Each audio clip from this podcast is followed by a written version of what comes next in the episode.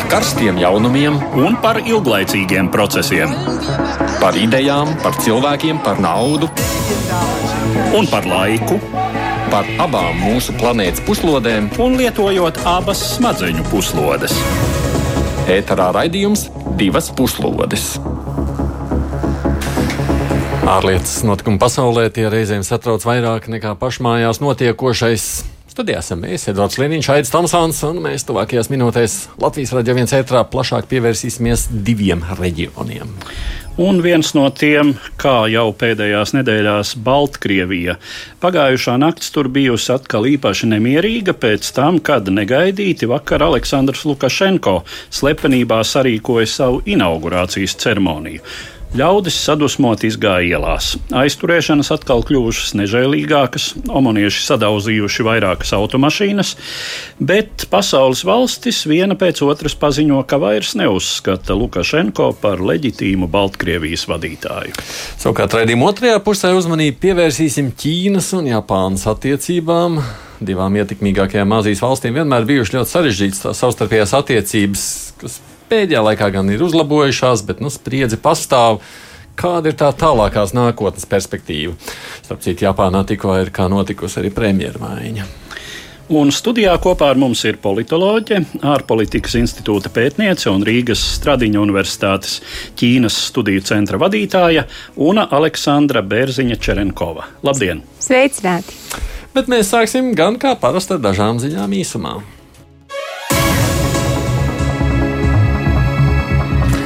Krievijas opozīcijas līderis Aleksis Navaļnijas tātad izrakstīts no Berlīnas Universitātes klīnikas šaritē, kur viņam ir sniegta medicīniskā palīdzība pēc saindēšanās ar Novičoku. Pagaidām viņš vēl paliks Vācijā, lai turpinātu ārstēšanos, bet nu, cerības esot uz pilnu atlapšanu.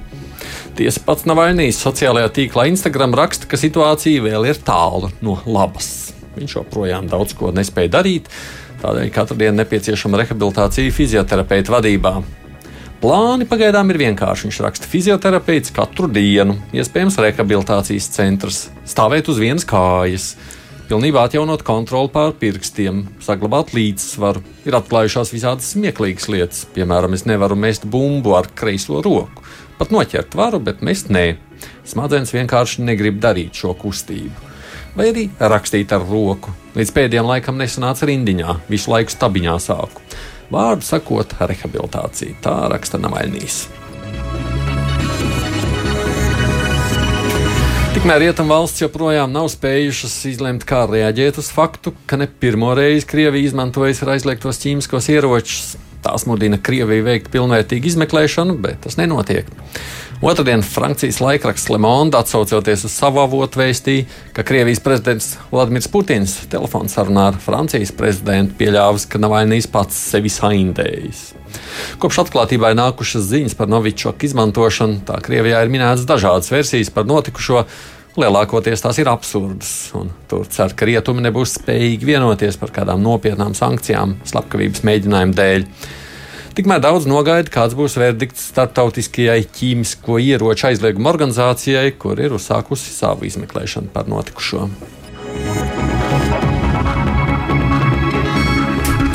Pieaug saspīlējums Briseles un Londonas attiecībās. Britu parlaments šodien jau otrajā lasījumā apstiprināja iekšējā tirgus likuma projektu, kas paredz tiesības Britu valdībai vienpusējā kārtā daļēji atteikties no jau panāktās Brexit vienošanās. Eiropas Savienībā uzskata, ka tādajādi uz noslēgtiem līgumiem ar Lielbritāniju turpmāk vairs nevarēs paļauties. Pirmdien steidzamā kārtā tiksies abu pušu pārstāvi, lai pārunātu radušo situāciju. Eiropas komisijas viceprezidents Maroš Šefčovičs tiksies ar Lielbritānijas kabineta kancelejas ministru Maiklu Govu, kurš šobrīd ir augstākā par Brexit atbildīgā amatpersona. Brisele ir devusi Londonai laiku līdz mēneša beigām, lai atsauktu strīdīgo likuma projektu. Ja nē, tad iespējams tālākās sarunas par abu pušu tirdzniecības attiecībām tiks pārtrauktas. Tas savukārt nozīmē, ka no jaunā gada tirdzniecība notiks pēc Pasaules tirdzniecības organizācijas noteikumiem, kas abām pusēm ir krietni neizdevīgāk. Krievijā otrdien aizturēts sektas līderis, kas viņa sekotājiem pazīstams kā Visarjons. Īstais vārds ir Sergejs Torops. Viņš sevi pats dēvē par Jēzus Kristus reinkarnāciju. 1991. gadā viņš dibināja pēdējās derības baznīcas, un tagad Saules pilsētā, kuru Sibīrijā cēla viņa sekotāji, kā arī vairākos citos nomaļos ciematos taigā, mitinās vairāki tūkstoši sektas dalībnieku. Operācijā, kurā bija iesaistīti īpašo uzdevumu vienības kaujinieki, ir aizstrāti arī divi viņa tuvākie palīgi.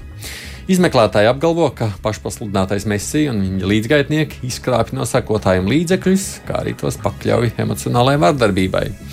Starp visariānu sekotājiem ir gan mūziķi, gan pat kāds bijušais Baltkrievijas ministrs. Visariānam ir izdevies piesaistīt sekotājus arī no citām zemēm, tajā skaitā arī no Latvijas. Tiesības sargājošās instances jau daudzkārt bija saņēmušas sūdzības, ka Saules pilsētā cilvēki esot izdarījuši pašnāvības, vai ir gājuši bojā skarbo dzīves apstākļu un medicīniskās aprūpes trūkuma dēļ. Un vēl par Vāciju. Statistika rāda, ka 30 gadus pēc Vācijas atkal apvienošanās Austrumvācija ekonomiskā ziņā lielā mērā ir panākusi rietumus taču vietējo iedzīvotāju uzticība demokrātijai joprojām ir zemāka. Tā liecina atklātībai nodotais ikgadējais ziņojums.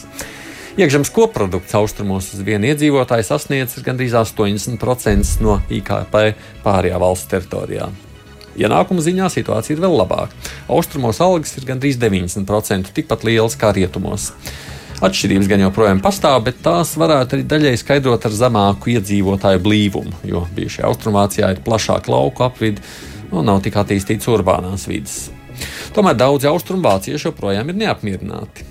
Kamēr Rietumvācijā demokrātijai uzticība pauž 91% vāciešu, austrumos tāda ir tikai 78%. Viņi ir arī kategoriskāk noskaņot pret migrantu uzņemšanu un aktīvi atbalsta tādas partijas kā Alternatīva Vācijai.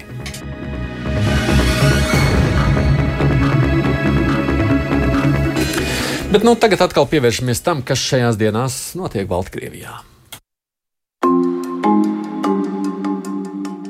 Vakar Baltkrievijas režīma mediji izplatīja ziņu par starptautiski neatzītā prezidenta Aleksandra Lukašenko inaugurācijas ceremoniju, kas iepriekš neizziņota notikusi Minskā, piedaloties samērā šauram režīmam pietuvināto lokam.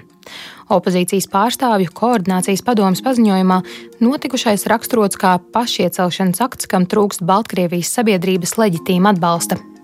ASV un Eiropas Savienība jau apliecinājuši savu nemainīgo pozīciju, neatzīstot Lukašenko par leģitīmu Baltkrievijas valsts galvu. Tomēr Eiropas Savienības lēmums par sankciju atjaunošanu pret Mīnskas režīmu pārstāvjiem, par kuru pirmdien tika spriests Savienības ārlietu ministru sanāksmē Briselē, tā arī netika pieņemts. Sankcijas pret vairākiem Baltkrievu militārā kompleksu uzņēmumiem un 170 režīmu pārstāvjiem bija spēkā līdz 2016. gadam, kad tika atceltas, pamatojoties uz tiesiskās situācijas uzlabošanu Baltkrievijā. Uz to atjaunošanu Savienības ārlietu ministrs mudināja Baltkrievijas opozīcijas spēku līderi Svetlana Tihanovska, uzrunājot viņus pirms izšķirošās apspriedes. Sankciju atjaunošana izgāzusi Kipra, saistot šo soli ar sankcijām pret Turciju, kura veic nelikumīgu gāzes iegulu izpēti tās kontrolētajā vidusjūras daļā pie Ziemeļkipras. Tomēr ir pamats domāt, ka Nikozijas valdības nozīmīgs motīvs ir īpaši draudzīgās attiecības ar Kremli. Tūlītai nožēlu par situāciju pauduši Lietuvas un Latvijas ārlietu ministri. Vismaz par to inaugurāciju. Par ko tad liecina fakts, ka Lukašenko inaugurācija notika tik slepeni, jo Edvards, tu zini vēsturi, kādos gadījumos nu, inaugurācijas notiek šādā veidā? Slepeni. Slepeni. tu zini, es pārskatot ātri savu vēstures faktu krājumu. Savā galvā. Jā, savā galvā. Nē, esmu, neesmu gatavojies šim jautājumam, bet es īsti neatceros eh, tādu gadījumu, jo redzi, inaugurācija um, vai kronēšana agrākos laikos, tas jau pēc būtības ir publisks akts, kas apliecina varas leģitimitāti, mm -hmm. simbolizē varas leģitimitāti, kur agrāk tā bija kronēšana, um, ko veica baznīcas pārstāvji. Mm -hmm. tādā veidā apliecinot valdnieka varu no dieva žēlastības, kā tas toreiz tika definēts, uh, un tad uh, teiksim, situācija, kad uh, imperators Napoleons Bonaparts sevi kronēja pats, uzliekot kroni pats sev galvā. Nevis mm. to izdarīja kāds um, arhibīskaps vai pāvests. Uh, tas bija tāds, teiksim, uh, viņa absolūto un arī reliģijas, baznīcas varu zināmā mērā ignor, ignorējošo uh, pilnvaru. Uh, pilnvaru simbolizē. Bet vienalga viņš to darīja ar pompu, jau atklāti. Bet, protams, tas tika darīts, un tas vienmēr ir ticis darīts ar pompu, ar uh, plašām tautas svinībām. Uh, citādi inaugurācijai īsti nav jēgas, jo tad jau tad jau jāsaka.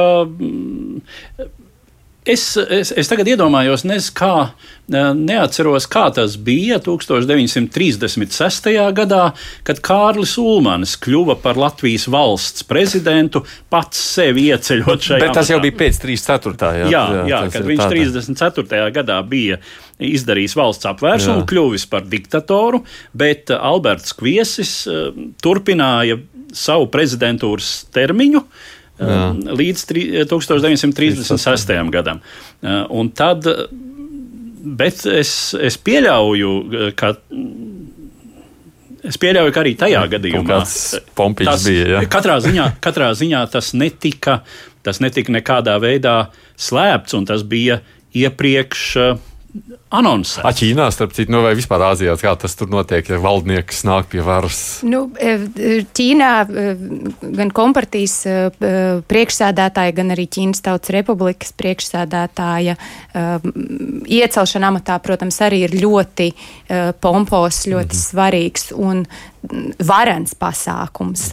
Bet man, atgriežoties, lecot atpakaļ jā, jā, pie Baltkrievijas, jā. tiešām būtu jājautā šeit, kā, kāda ir Lukašenko PR stratēģija ar šo gājienu, jo taču nebūtu bijis grūti organizēt tos pašus cilvēkus, kur tika organizēti pro-Lukašenko demonstrācijām, lai viņi pastāv fonā šajā pasākumā. Tā tas ir. Viņam jau pat, man liekas, sestdien vai svētdien bija kaut kāds dā, dāmu, kaut kāds, ne, ne, sestdien, nu, kaut kā pagājušajā nedēļā bija nu, sieviešu kaut kāds pasākums stadionā bija savests. Tā daudz. tad būtu bijis iespējams Jā. cilvēkus dabūt un parādīt. Iespējams, ka šāds lēmums uh, ir, ka tur ir kaut kāda cita motivācija. Nevis tāpēc, ka viņš nebūtu varējis šo pompu rīkot, vai arī viņu viltot, vai arī kādā citā veidā. Tur ir motivācija. Nu, droši vien tādi nemieri, kur tālāk sekoja vakarā, nu, būtu bijuši tad, laikam, Jā, tad dienas būtu, laikā. Tad tie būtu bijuši jau droši vien ceremonijas laikā. Jā, kas arī nav smuki. Kas nav īpaši smuki. Un arī uh, starptautiskā reakcija droši vien būtu bijusi jau pirms. Mm. Pirms notikuma pasludinot, vēlreiz apliecinot, ka lielākā daļa demokrātisko pasaules valsts, nu faktiski visas laikam, neatzīst katrā ziņā Eiropas Savienības. Bet valsts. viņš kaut ko ir ieguvis tagad no tā, ka viņš šādi to izdarīja. Nu, vienalga jau ļaudis protestē. Bet Vakar nu, jau bija ļoti nemierīgi Minskā atkal. Jā, nu, eh, es pieļauju, ka šādā veidā viņš mēģina apliecināt, ka šie protesti viņam netraucēs īstenot savu varu turpmāk un, un ka viņš ir apņēmības pilns. Lai gan eh, zināmā mērā eh, tas laikam arī tā tiek traktēts, ka šī ir sasteigtā un iepriekš nepieteiktā stāšanās amatā tomēr liecina par zināmu nervozitāti, mm. jo mhm. viņa iepriekšējais pilnvaru termiņš vēl nav beidzies. Un, Uz novembrī, man liekas, jā, bija iespēja. Tieši tā, un pēc notikuma loģikas, viņam, uh, viņš varēja mierīgi pagaidīt. un es pieļauju, es pieļauju, ka viņš īsti neprognozē šobrīd, uh, nav gatavs pats sev uh, prognozēt, eh, un nav drošs par to, kas ar viņu notiks. Viņam ļoti gribējās to sastu apliecību, to sastu apliecību ļoti gribējās, lai būtu. Bet neaizmirsīsim, ka tad simboliski runājot, tomēr Lukašenko pie tā galda nebija viens. Viņam pie labā un kreisā pleca vismaz garā stāvēja klāt gan Putins, gan iespējams arī Sīdžinpins, kuri viņa uh, po, šo te prezidentālās lomas apliecināšanu, pārapliecināšanu, vēl vienu agrīnu apliecināšanu uzskata kā stabilitātes garantu. Viņš savā veidā sola. Uh, par to raksta arī uh, Ķīnas apskatnieki. Viņš savā veidā sola Ķīnai arī, ka viņš personīgi ar savu uzvārdu garantē, ka sadarbība turpināsies. Es par Ķīnu tūlītās, ne, ne tūlīt, ne, mazliet vēlāk arī paprasīšu, bet faktiski tagad tā tad tā Krievija un Ķīna varētu būt tās, uz ko viņš varētu balstīties. Ja? Ķīna ir tā, uz ko viņš varētu balstīties vēl nākotnē. Ķīnas interesēs nav atbalstīt kādu konkrētu autoritāru personību. Ķīnas interesēs ir nodrošināt stabilitāti tajos reģionos, kur viņiem ir ierobežots iespējas kaut ko ietekmēt. Un tāpēc viņi vienmēr balstīsies un balsos un atbalstīs salīdzinoši stabilitāti. Nu, jā, iespējams, ka tur cilvēki protestē vai ne. Nu, kad tad viņi neprotestē, šādu loģiku mēs arī ar jums zinām. Ja? Uh, bet Tāpat laikā strādāt ar iepriekšējiem partneriem, tomēr tā valdības maiņa ir viena piņķirīga padarīšana, tad, kad ir tik daudz miljardu ieguldīti kādā citā valstī, citā kontinentā, citā bet, pasaules daļā. Bet no, nosaukt par stabilitāti notiekošu arī nevar, man liekas, vairs Baltkrievijā. No, to jau diezgan sen vairs nevar. Uh, un mēs jau šeit spekulējam jau kuro nedēļu pēc kārtas, vai Kremlim ir uh, kāds plāns uh, kā tomēr nomainīt bildīti, Jā. kā panākt Lukašenko salīdzinoši mierīgu aiziešanu, bet Eh, tajā pašā laikā nodrošinot, eh, ka Baltkrievijas ārpolitiskais kurs, un jo sevišķi attiecības ar Krieviju, īpaši ciešās attiecības ar Krieviju, nekā būtībā nemainās. Um, nu, kas attiecās uz Ķīnu, tad jā, Ķīnai Baltkrievija acīm redzot ir vienas no tām durtiņām, pa kurām Ķīna cenšas ienākt Eiropā potenciāli. Lai cik arī Baltkrievija ir izolēta, bet tomēr nu, mēs zinām, ka ekonomiskie sakari tie ir. Un Ķīnai eh, tieši šajā reģionā. Eh, Eiropas austrumdaļā, dienvidu austrumdaļā, Balkānos ir izdevies šur un tur jautā sacīt, Uh, savu puķu ķepiņu ielikt. Jā, ja? nu, grūti gan pateikt, vai kaut kāda cikona, nu, labi, cikonos, ka pat kā tāda nē, bet vai kāds tur pēcnācējs būtu pret. Nē, es domāju, ka pēcnācējs mūsu sarunbiedrs pieļauj piekritīs. Pēcnācējs visdrīzāk labprātāk izvēlētos Ķīnas kredītus un investīcijas nekā Krievijas. Bet dilemma jau nav Baltkrievijai vien, dilemma arī Latvijai. Arī mēs bieži vien Ķīnu pretnostatām Krievijai un sakam, labāk sadarbosimies ar to tālo, jā, jā. ar to tālo nekā ar to tuvo. Nu, pēc, Jāsaka, gan, ka liekas mazāk bīstami. Jā, tāpēc, ka nu, tomēr kopīgas robežas robežu neesamība zināmā mērā, protams, pasargā. Bet atgriezīsimies pie šī ekonomiskā argumenta. Pēdējā laikā arī Baltkrievu kolēģi norāda, ka šī uzpūs, uzpūstās gaidas par Ķīnas lielajām investīcijām uh, Baltkrievijā, tostarp arī šis te uh, flagmanis joslas un ceļa projekts uh, Lielais akmens netālu no Mīnskas, kurā arī Latvija un Lietuva savulaik gribēja iesaistīties, uh, piedā, piedāvājot savas ostas uh, slēgtajai, no, noslēgtajai bez jūras pieejas esošai Baltkrievijai par labu tieši šī projekta Lielā akmeņa ietveros, patiesībā buksē.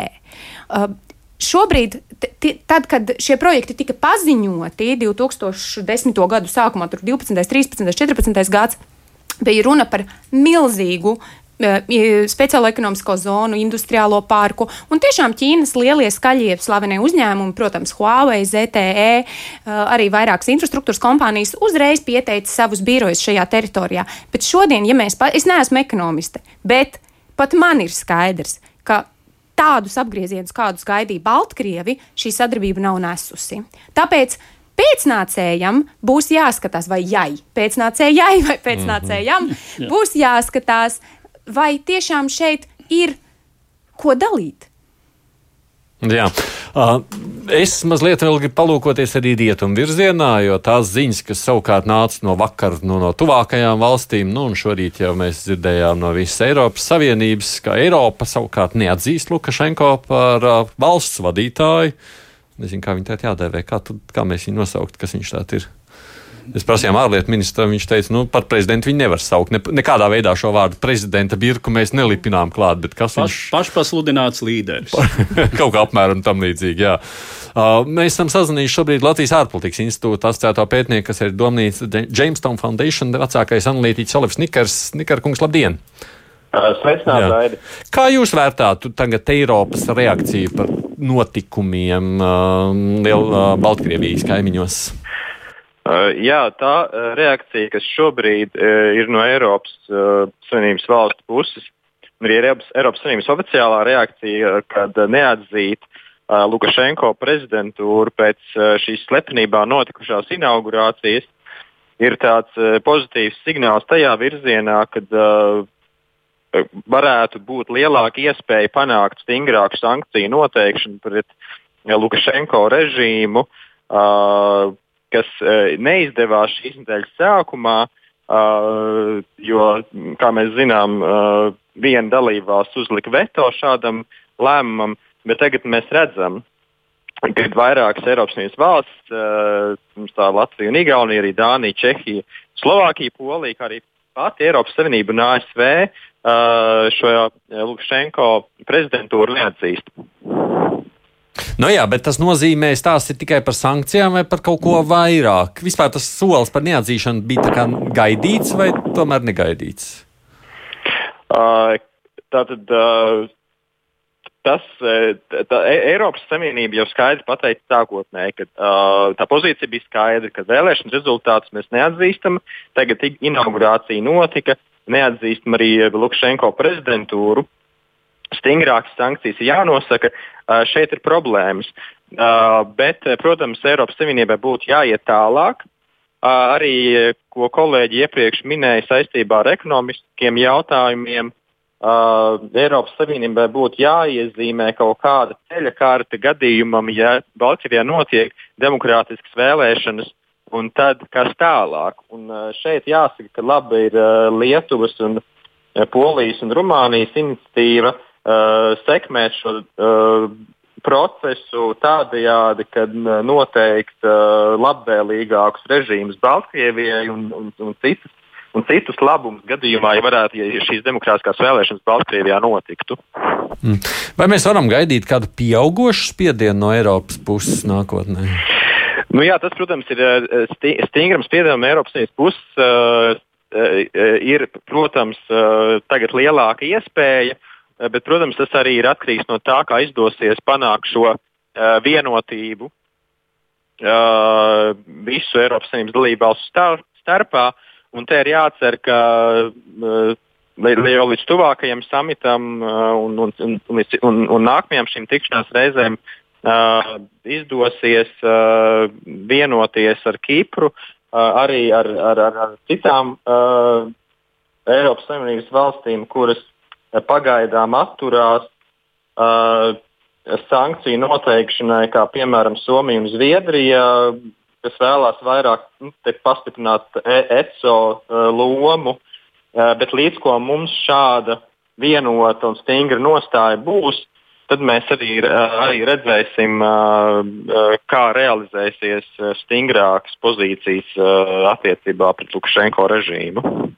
Labi, paldies, Olev, Olevs Nikers, kas ir uh, gan ārpolitikas institūta asociētais pētnieks, gan domnīca The Jamestown Foundation pārstāv vecākais analītiķis. Es domāju vispār par to neatzīšanu. Kāda tai nozīme, tavuprāt? Nē, nu tāda nozīme, ka ar Lukašenko, kā ar Baltkrievijas valsts vadītāju, valsts galvu un attiecīgi šīs valsts suverēnās varas nesēju, neviens vairs Eiropā nesarunāsies. Nu, kas, piemēram, nozīmē, ka Lukašenko vairs nebūs tā vieta, kur viņam kādu laiku izdevās tā loma, kur viņam kādu laiku izdevās spēlēt šai Ukrainas, Krievijas konflikta, vai precīzāk sakot, Krievijas agresijas pret Ukrainu mazināšanas vai regulē, noregulēšanas mēģinājumu sakarā.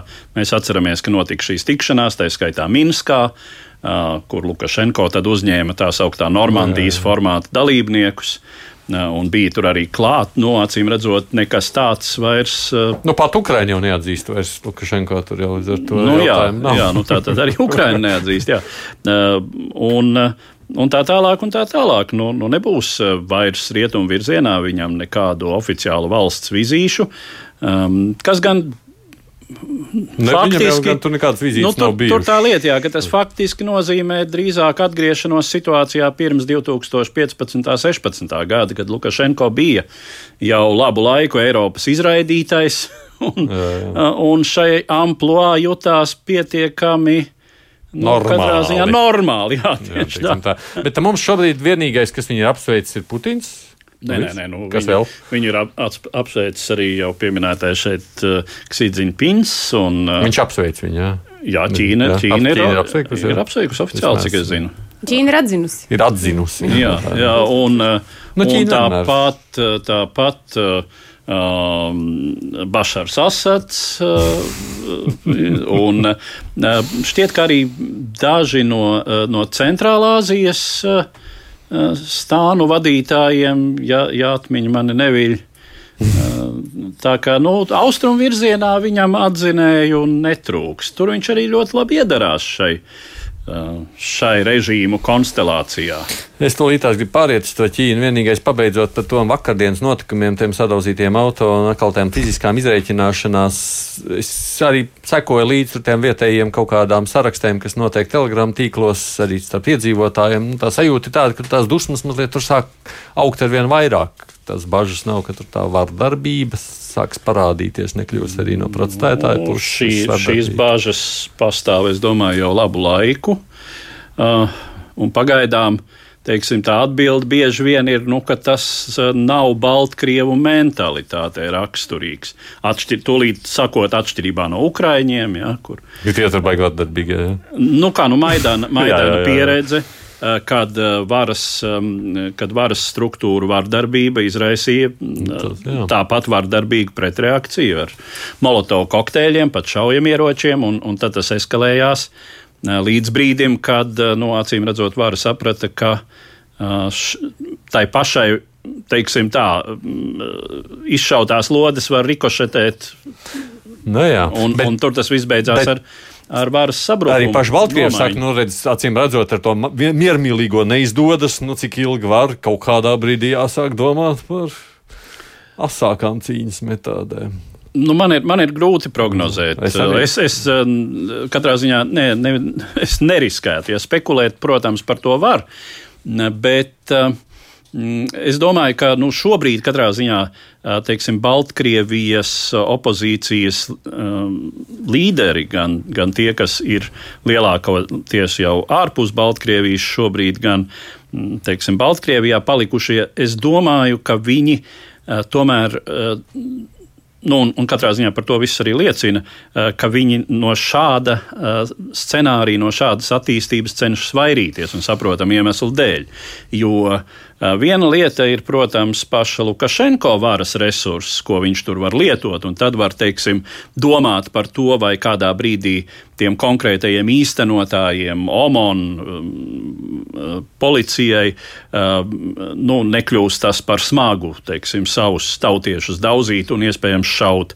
Bet vienmēr jau šajā gadījumā pastāv risks, kas faktiski nebija ne tuvu tik liels Ukrainā, ka nu, Putins atvēlēs kaut ko no saviem resursiem. Jā, tikai nav atvēlējis, jo tur jau visu laiku jā, nav atvēlējis jau šobrīd. Jā, jā, kas tur slēpjas. Es gan gribētu minēt divas lietas. Viena ir cerība nākotnē, un otra ir jau pozitīvais šo Baltkrievijas eh, notikumu iespējas uz Latviju. Sāksim ar otro. Uh, Latvijas, līdz, līdz notikumiem Baltkrievijā, Latvijas krievalodīgo kopienai, pie kuras uz pusi pieder arī es, bija diezgan asa izvēle starp tādu kļūšanu par latvieti, ja, tātad par pareizo latvieti uh, un ticību, teiksim, Eiropas Savienības ideāliem caur to, ja, bet tu it kā nekad nebūsi līdz galam savējais. Un piekļaušanos šai lielajai domai par lielo Krieviju, kas it kā sevī šis stāsts nes arī tādu autoritārismu piegaršu, ko tur slēpt. Uh, Baltkrievijas gadījums ir devis Latvijas un arī, Eiro, un arī uh, citu Baltijas valstu krievalodīgiem iespēju savā identitātē, tātad neatsakoties no savas etniskās uztveres un savas valodiskās uztveres, iespēju iestāties par demokrātiskām vērtībām, būt par. Uh, būt ierakstītam kā cīnītājam un, un tātad simpat, de, demokrātijas atbalstītājam. Un to es jau redzu arī, arī sev apkārt. Mm. Tas ir ļoti pozitīvs notikums, kas jau Jā. ir ietekmējis Latvijas sabiedrību. Mm. Nu, kur zināmā mērā atkārtojas Latvijas ukrāņu diasporas un ukrāņu izcelsmes krievalotīgo Latvijas iedzīvotāju. Bet tas bija pieredze. šaurāk. Tomēr Maidans šādu efektu nenospēlēja plašāk, jo Maidanā tomēr bija antikrievisks elements spēcīgs, kur pretī Baltkrievijas protestos skaidrs, ka mhm. Putins mm -hmm. kā, kā, kā, kā vecākais brālis tiek asociēts ar Lukašenku, bet tanī pat laikā tas nav Jā. etnisks, antikrievisks mm -hmm. protests. Turklāt, nu, ko tur slēpt, arī Latvijā tiešām ir ļoti daudz cilvēku, kuriem ir Baltkrievijas izcelsme, bet mēs viņus, nu, t, t, t, t, tā šīs identitātes ir tik tekošas, ja, ka, ka ļoti grūti Jā. nošķirt. Un šis stāsts ļauj lielākai Latvijas krievalodīgo daļai justies tam piederīgai. Hmm. Otrais, jā, otra. pirmais jā, punkts, jā, kurš, kurš sanāk otrais, uh, es gribu teikt, ka si situācija ar Baltkrieviju ir tiešām schizofrēniska. No vienas puses mēs esam tik tuvu, un cilvēku uh, kontaktu ziņā uh, tiešām šīs saiknes pastāv, ja ir īpaši tuvāk robežai. Bet sistēmiski ir praktiski neiespējami sadarboties ar Baltkrievu tieši šo absolūto nesaderību dēļ.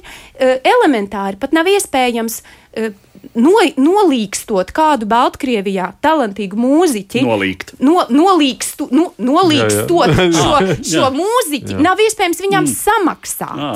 À, nu jā? jā, jo Baltkrieviem nedrīkst piederēt ārvalstu valūtu. Ši, ši, jā, es to zināju. Jā, jā. jā. jā tieši tā vārds vietā. Um, tik tiešām, jā, par šo es nebiju iedomājies, bet pilnīgi, pilnīgi taisnība. Un principā, un arī pat pārskaitīt ir ārkārtīgi sarežģīti. Mēs esam geogrāfiski tik tuvu, bet šī, šī siena ir milzīga. Un tā tā cerība nākotnē ir tāda, ka, lai nu kādā veidā, lai nu kas notiktu, bet mēs, mēs spētu tomēr šai valstī tuvināties un tās cilvēkiem tuvināties arī sistēmiski. Nu jā, un tas tomēr, es domāju, šajā brīdī, un tieši tie karodziņi, kas šur un tur vizuālajos materiālos tīmeklī tiek zīmēti, tās valstis, kuras ir jau deklarējušas neatzīšanu Lukašenko inaugurācijas sakarā, un, un tās, kuras ir apsveikušas. Nu, tas Baltkrievijas sabiedrībai ir vēl viens mājiens, konkrēts, nu, ļoti uzskatāms, ka visi kas ir ar Lukašenko daudz maz mierā, atrodas no viņiem uz austrumu pusi. Un tad nu, ir jautājums par piederību vienai vai otrai pusē. Nu, bet arī tas, ko sacīja par sistēmu, demokrātija vai autoritārisms, vai ne? Nu, šīs ir tās divas izvēles, kas tajā visā ir. Bet tā par Baltkrieviju jau mēs vēl turpināsim runāt. Jā. Tomēr gribam arī šodien vēl pievērsties Ķīnas-Japānas attiecībām, tāpēc sākam vispirms ar faktoloģisku ievadu. Pār Ķīnas un Japānas savstarpējām attiecībām ēnu joprojām met dramatiskie pagātnes notikumi. Kopš 19. gadsimta beigām Japāna, tobrīd pirmā modernizētā Azijas valsts, uzsāka ekspansiju politiski un militāri vājās Ķīnas virzienā. Šai ziņā Japāna konkurēja ar rietumu imperialistiskajām nācijām, taču šī konkurences cīņa pamatā notikusi Ķīnas zemes un noveda arī pie vairākiem militāriem konfliktiem abu valstu starpā.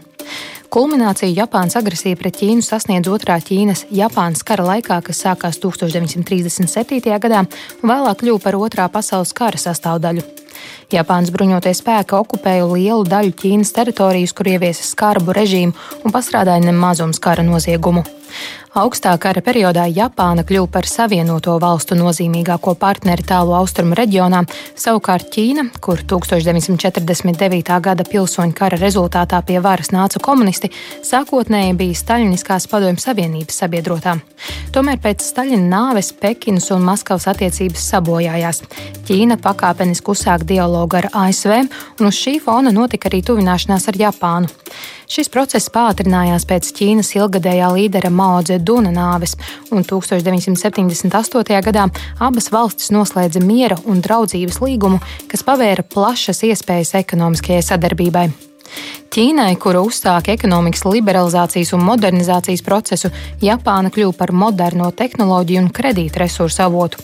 Kopīgās ekonomiskās intereses gan nespēja pilnībā notušēt politiskās pretrunas.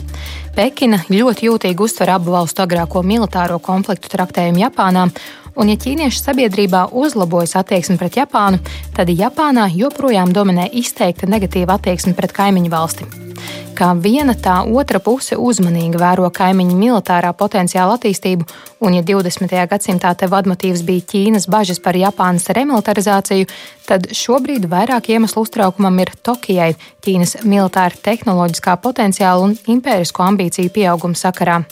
Uz šī fona pēdējās desmitgadēs spilgti iezīmējies abu valstu teritoriālais strīds par Senkaku salām, mazu neapdzīvotu saliņu grupu Austrumķīnas jūrā.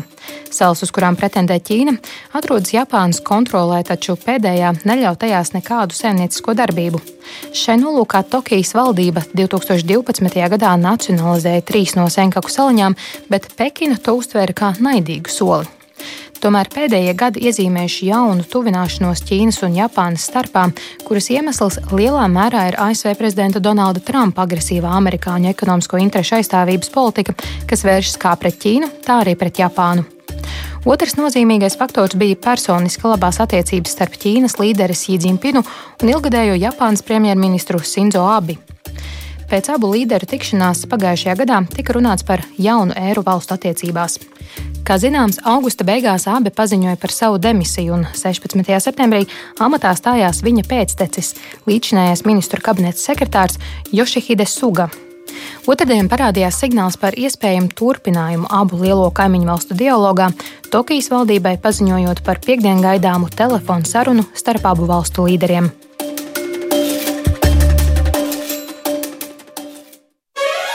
Divas puslodes.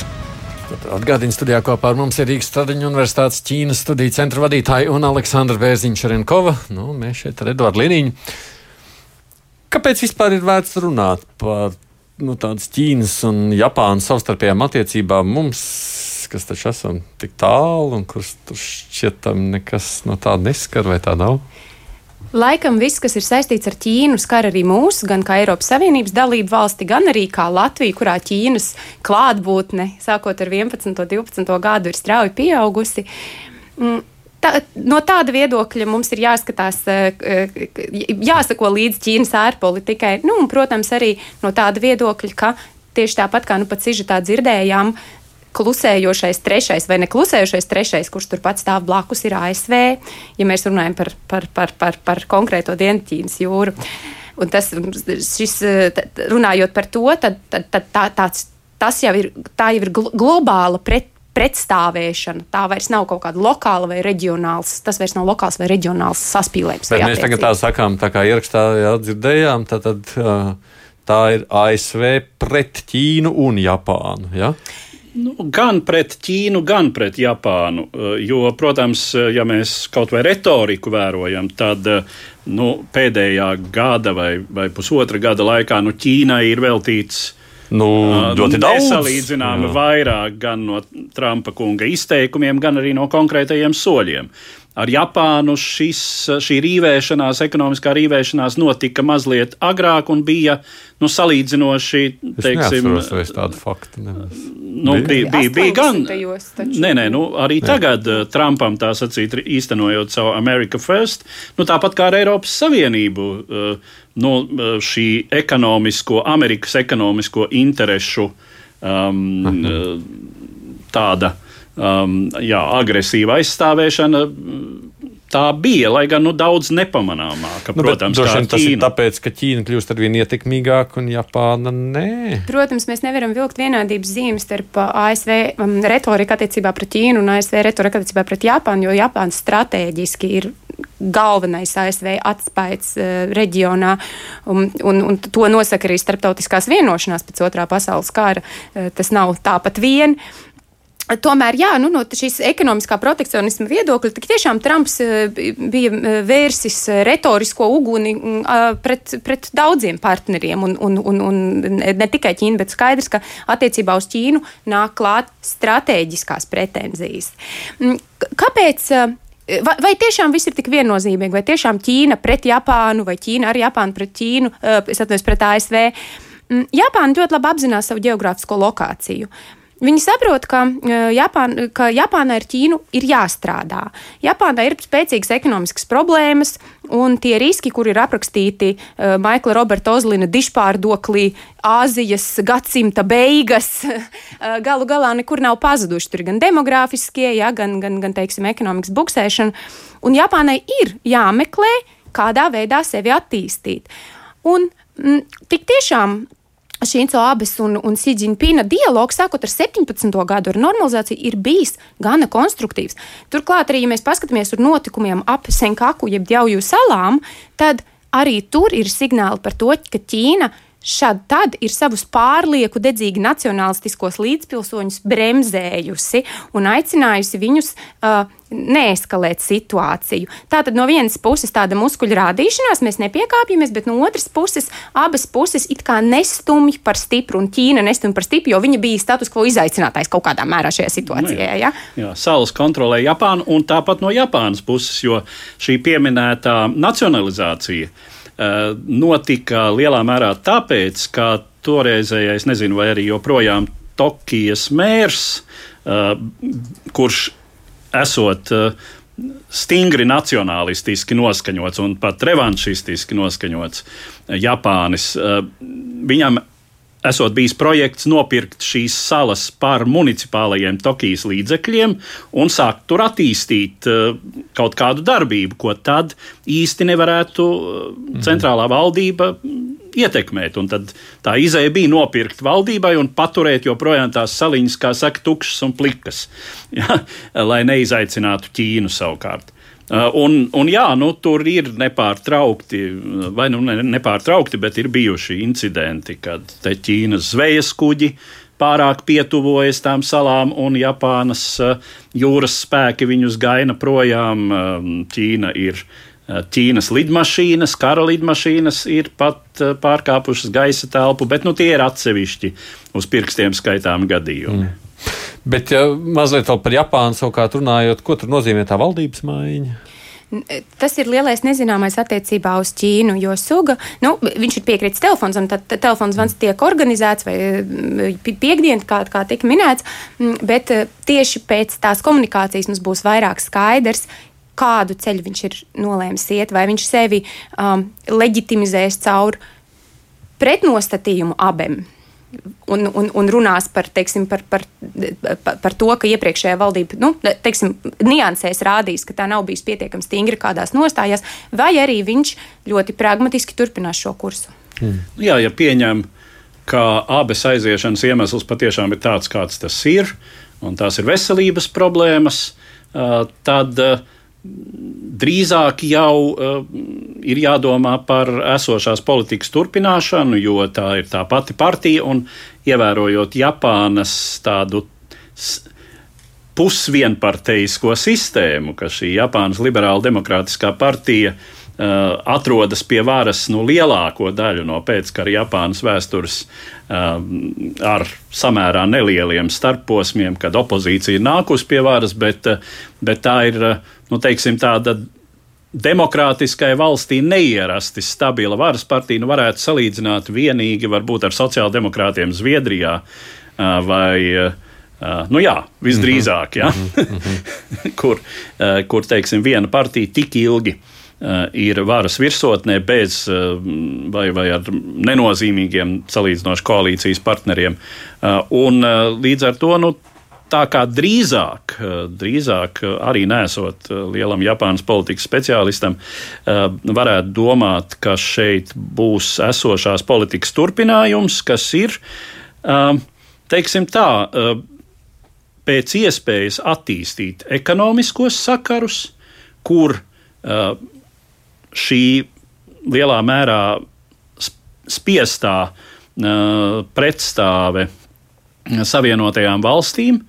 Uh, un uh, arī dzen, tāds moments, ka tieši koronavīrusa pandēmijas sakarā abas valstis ir tuvinājušās, jo ir viena otrai palīdzējušas, nu, varbūt tādu žestu līmenī, teiksim, tad, kad pandēmija to, to brīdi vēl kā, kā epidēmija uzliesmoja Ķīnā, tad Japāna sūtīja tur kādus sejas maskas un vēl kaut ko.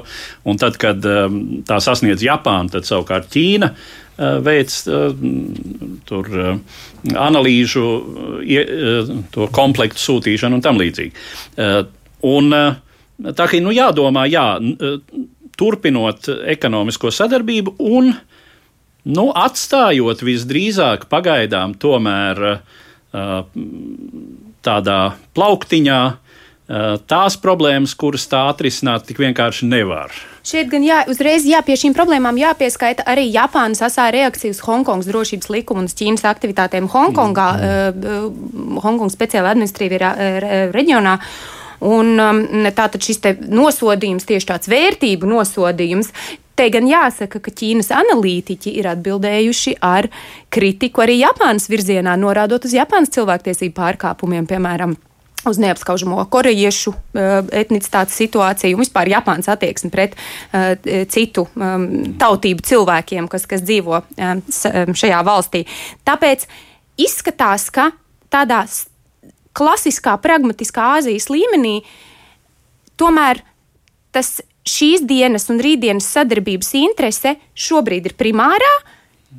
Vērtību aspekti un neatrisinātie vēsturiskie jautājumi nekur nepazūd, bet viņu nozīme šobrīd ir mazāka. Mm. Nu, jā. Ko jūs sakāt par Egona teikto ja versiju, sacīto, ka Pekinai jau pēc tādām vairākām arī ekonomiski politiskām neveiksmēm pēdējās desmitgadās ir kādi jauni sabiedrietie vajadzīgi, jo tie vecie arī kaut kādi kremļa komjaunieši vai mazākie kaimiņi bieži vien uzskata par vīzdegunīgu. Nu, Protams, sakot, ka nu, viņiem vajag to. Nē, nu, Ķīnai, Japānu, Ķīnai Japānu ekonomiski uh, faktiski pat nevajag. Ķīna bez Japānas joprojām tehnoloģiski nevar iztikt. Uh, jo nu, katrā ziņā tas, ko lasīju es, uh, ka um, joprojām ļoti, daudzus, uh, ļoti daudzos Ķīnas izstrādājumos ir Japānā ražoti komponenti vai Japānā ražotas tehnoloģijas izmantotas, uh, ko nevar teikt. Uh, un politiski? Par, Es par to ekonomiku to pajautāšu, un politiski.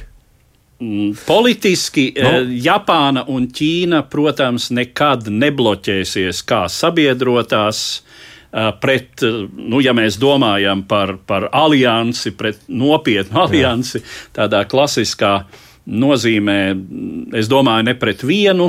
Jā, bet šobrīd ir tā, ka gan Eiropa skeptiski raugās vai ne uz Ķīnu par Ameriku, jo mēs te pieminējām. Ķīnai nu, nu diena Japāna ir vajadzīga gan tehnoloģiski, gan ekonomiski, un to mēs redzam arī simbolu, simbolu valodā, proti tā jau uh, diplomātiski mm, premjera mm, otrajā pusē būtu jāliek premjeras, proti tas būtu Likets Jānis, bet, uh, manuprāt, 18. gadā Ķīna paaugstināja šo dialogu Sīdžinpina līdz Sīdžinpina līmenim. Tātad tas ir signāls, ka šis formāts ir nopietns un svarīgs. Tomēr arī uh, neaizmirsīsim vēl vienu ļoti svarīgu kultūrālu faktoru, proti, Japānas milzīgo maigo varu Ķīnā. Tās tiešām ir mīlestības naida attiecības, kur ir daudz aizvainojumu par, par vēsturi un par zvērībām um, Japānas kara laikā. Bet šodien Japāna ir ļoti gribēts izglītības gala mērķis ķīniešu studentiem. Uh, Tas ir arī naudas pelnīšanas gala mērķis. Tātad Japānai ir neskatoties uz diplomātiska rakstura rīv, rīvēšanām, Japāna ir milzīga vilkme Ķīnas iedzīvotāju mm. acīs. Mm. Jā, te kaut kur tādas attālas paralēles var vilkt starp Krieviju un Vāciju. Ka, nu, teiksim, motīvi par to, ka karoja ar mums un nežēlīgi un fašisti Uh, un uh, briesmoņi, bet tajā pašā laikā nav slikti braukt ar vācu mašīnām, uh, nav slikti dzīvot Vācijā, ja ir tāda iespēja pelnīt tur naudu vai tērēt savukārt dzimtenē iegūto naudu. Te varētu būt daudz kas līdzīgs, jā, lai gan, protams, tāds fakts, ko arī es lasīju, Ķīnā joprojām tiekot ražots apmēram 200 kara filmu gadā. Uh, un, protams, ka tās ir par Ķīnas un Japānas karu, un Japānis tur ir. Sliktais, uh, okupants nelieta. Tāpat kā Krievijā par Vāciju. jā, bet tas nemaina. Atcerēsimies vēl, jā, vēl vienu mazu, ļoti svarīgu aspektu - Taivānu un Taivānas situāciju jā, un Taivānas ietekmi uz Ķīnas un Japānas attiecībām. Tai brīdī, kad sākās konflikts uh, par uh, uh, Dienvidķīnas jūras salu dalīšanu, Taivāna atbalsta Ķīnas pozīciju. Tāpat laikā citos jautājumos Taivāna ir ļoti tuvu Japānai, Un Taivāna ir kas? Negrimstošais un sinkable aircraft carrier arī priekšā ASV. Tātad Taivāns, Taivāna ir ļoti svarīga loma šajās attiecībās. Mm. Es vienīgais tev pieminēto tehnoloģiju sarunu, es droši vien arī atceros jaunību, nu kā Made in Japan, ja tas likās jā. kaut kas ārprāts, Japānas dabūt kādu tehniku šeit, tas nozīmē naudu vai nemaksā. Tagad jau mums viss ir Made in China. Nu, daudz kas, jā. daudz kas. Nu, no tāda viedokļa liekas domāt, nu, tā tehnoloģijas gan, ziņā kaut kā gan, tā. Nu, tās, ir, tās ir patēriņa preces, kas ir made in China, tā ir virskārtiņa. Uh, jo tomēr joprojām uz Ķīnu tiek uh, eksportēts no Japānas milzums tehnoloģisko iekārtu. Bet mēs varētu teikt, joprojām no tādas no, no, no tehnoloģija, no intelekta viedokļa Japāna ir galvas tiesa pārāka par Ķīnu, var tā teikt? Ja skatās uh, no to patentu viedokļa, uz ku, kurus pēc tam izmanto. Ja, tā tad nevis vienkārši, ka es esmu pieregistrējis patentu, bet teiksim, ka šis patents pēc tam tiek. Uz to tiek atsaukts un, un tas tiek izmantots, tad Japāna ir šobrīd vēl mm. joprojām. Bet vairs ne tik tālu. Un, protams, ir ļoti daudz kopīgu projektu, kas attiecās uz ražošanu, gan pabeidzot ar tādu jautru noti. 2004. gadā atceros Pekinā pēc kārtējās attiecību eskalācijas bija kustība ignorēt Japāņu, Japāņu preces. Uh, Uh, ilgi, tas, tas, ilgi tas nevilkās, jo patiesībā ignorēt Japāņu arī plašu patēriņu preces Ķīnā bija diezgan sarežģīti. Nu, tur baidos, ka te jau pusē, ja ne divām trešdaļām, ir jāatstāj savas mašīnas garāžā, piemēram. Nē, tas laikam neatiecās uz jau nopirktajām, tas tikai uz jaunajiem. Pie... nu, vienalga. Protams, šis ir tēmats, nē, bet man pabeidzot pāris minūtes skatoties, ir tā, ja mēs savukārt pabeidzam par Ķīnu, no Ķīna būs tādas ar vien lielākas galvas sāpes pārējai pasaulē. Es gribu vienkārši izmantot, ka jūs esat šeit studijā. Es domāju, ka tas uh, jēdziens galvas sāpes laikam paredz to, ka Ķīna rīkojās uh, pretēji kaut kādiem norunām, ja, un izaicinātāji. Es uzskatu, ka Ķīna rīkojās savu interesu vadīta, bet ne nu, obligāti iz, viņas mērķis nav izaicināt vai graut starptautisko sistēmu. Kas mums nepatīk tajā, ka Ķīna ceļās? Mums nepatīk tas, ka atšķirībā no ASV Ķīna nav gatava uzņemties rūpes par globāliem sociāliem jautājumiem. Viņiem nav šīs misijas apziņas, kas lielā mērā pēc otrā pasaules kara virzīja amerikāņus. Ja? Tad, tad e, rūpēties par globālajiem labumiem. Te gan Ķīna... arī jāsaka, Ķīnai piedodiet, nav īsti ies, tādu iespēju, kādas bija Savienotajām valstīm, Pilnīgi kad tām noteikti. bija pēc otrā pasaules kara te 50% ievērojot sagrauto Eiropu, 50% eh, no planētas ekonomiskās kapacitātes. Jā. Precīzi, nu, te, bet pasauli, ja, ja pasauli ienāks Ķīnas zīmē, vai kad pasauli ienāks Ķīnas zīmē, lielais risks varbūt būtu nevis tāds, ka viņi sabradātu esošās institūcijas un ieviestu savas, bet uh, gan tāds, ka viņi nebūs gatavi gatavi uzņemties, dalīties un piedalīties cilvēces nākotnes kopīgā vīzijā. Nu, kas nozīmē, ka tā attiecības veidojās ar vien sautīgākas. Nu, nu, nē, nu, ne gluži. Nu, jāskatās jau arī, kas notiks, kad Ķīna tomēr šīs ekonomiskās izaugsmes rezultātā kaut vai sasniegs. Nu, vidējo Eiropas Savienības dzīves līmeni līdz tam vēl arī ir ļoti tālu ejams. Un vai ja? tas notiks, jo šobrīd Ķīnas izaugsme tomēr ir mazliet jā. jau tā, vairs, vairs nav tādos stāvokļos. Jā, un tempos. līdz ar to pārmest, atkārtošos, līdz ar to pārmest Ķīnai, ka tā nav gatava eh, tik daudz upurēt eh, globālās labklājības un problēmu risināšanas vārdā, kā to savulaik un uh, desmitgadēm darīja Savienotās valstis, nu, Ķīnai vienkārši ir daudz vairāk vēl ko rūpēties par savām mājām. Tur ir vēl krietni zemāks dzīves līmenis nekā uh, tai pašā Eiropā, nekā, protams, Japānā, Singapūrā, pat mm. Taivānā un Hongkongā. Ja? Nu, re, tā mēs šoreiz arī pabraukājām pa Āzijas pusi. Paldies jums, ka atnācāt šeit uz raidījumu Rīgas Traģiņu universitātes Ķīnas studiju centra vadītāja, politoloģija, ārpolitikas institūta pētniece, vai ne? Un Aleksandra Bēziņš-Renkova. Uh, Edvards Liniņš arī kā vienmēr šeit studijā. Es Edis Tamsons, nu, producē mums ievazējas. Paldies, ka bijām. Tiksimies atkal pēc nedēļas lūkosim, kas jauns ir noticis pasaules politikā abās divās zemes puslodēs.